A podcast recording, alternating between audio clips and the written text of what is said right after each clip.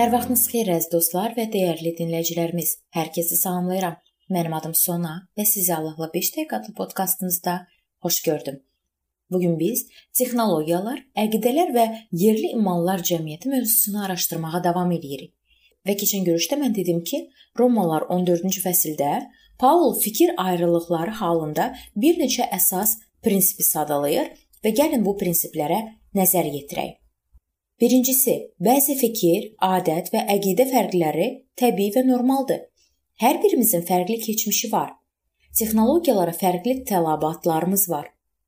Buna görə də ümumi şəkildə qəbul edilən qarşılıqlı razılaşması çərçivəsində Buna görə də ümumi şəkildə qəbul edilən qardaşlıq razılaşması çərçivəsində bəzi fərqlərin mümkünlüyünü qəbul etməliyik.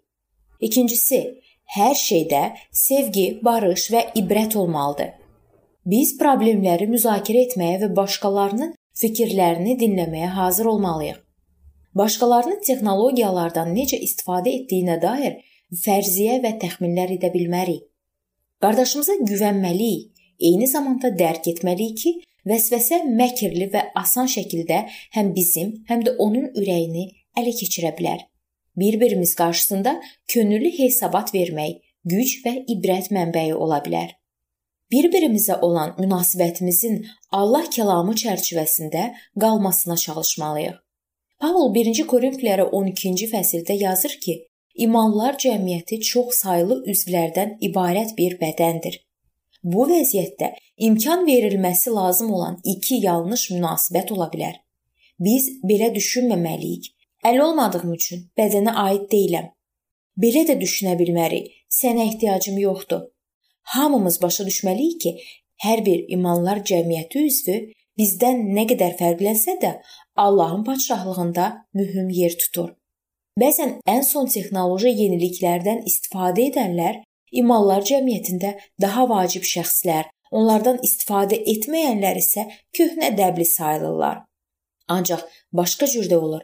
Onlardan istifadə edənlərə şübhə ilə yanaşılır. İmtina edənlər isə ucaldılır. Bəs texnologiyalardan istifadə etmək və ya istifadə etməmək insanın Allahın gözündə dəyərinə təsir edirmi? İmanlar cəmiyyəti üzvlərinin bir-birinə qarşı bu cür münasibəti sülhün, sevginin yaranmasına və ibrət götürməyə kömək edirmi? Üçüncüsü, hər birimiz zamanı gəldikdə Allah qarşısında öz həyatımıza görə cavab verəcəyik. Biz qardaşlığımızda texnoloji yeniliklərlə bağlı verilən qərarlara sadiq qala bilərik. Eyni zamanda isə başqa işlərdə günah işlərlə məşğul olaraq Allahın iradəsinə zidd hərəkət edə bilərik. Biz vicdanımızı və ürəyimizi təmiz saxlamalıyıq. Düşüncələrimizə, əməllərimizə və sözlərimizə görə Allah qarşısında cavabdehik. İmanlar cəmiyyətləri internetə olan ehtiyacı doğru qiymətləndirməklə və təhlükəsiz, praktik qərarlar verməklə öz üzvlərinə vicdanlarını təmiz saxlamağa kömək edərlər. Bir imanlar cəmiyyəti üzvü öz vəzifə öhdəliklərini yerinə yetirmək üçün imanlar cəmiyyəti qaydalarını pozarsa, vicdanını ləkələyər. İmanlar cəmiyyətinin digər qərarlarının da pozulmasına və Allaha itayətsizliyə yol açar. Vicdanı və ürəyi təmiz olan, özünü Allaha həsr edən, itaətkar imanlılar cəmiyyəti üzvləri imanlılar cəmiyyətinin inkişaf etməsi üçün nemətdilər. Dördüncüsü, imanı zəif olanlar tərəfindən sınağa çəkilməkdən özümüzü qorumalıyıq. Bu və ya digər texnologiyanın təsiri və cazibəsi zəiflərin büdrəməsinə səbəb olmamaq barədə düşünməliyik ki, nədən imtina etməli, nələrə məhdudiyyət qoymalı olacağıq. Qanun təkrarı 22:8-də deyilir: Yeni tikdiyin evin damının kənarına sürahi çək ki, kimsə damından yıxılıb ölsə, qanı evinin üstünə düşməsin. Bu sürahilər həm təhlükəni dərk etmək üçün çox gənc olanları, həm də büdrəyə biləcək və ya diqqətsiz ola biləcək yaşlıları qoruyurdu. Əslində hər birimiz bu və ya digər dərəcədə zəifik.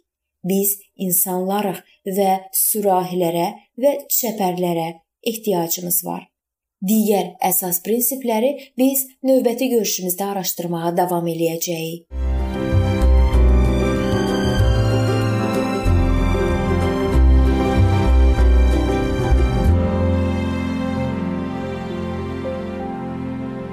Beləliklə əziz dostlar, bu yerdə bu mövzu sona çatdı.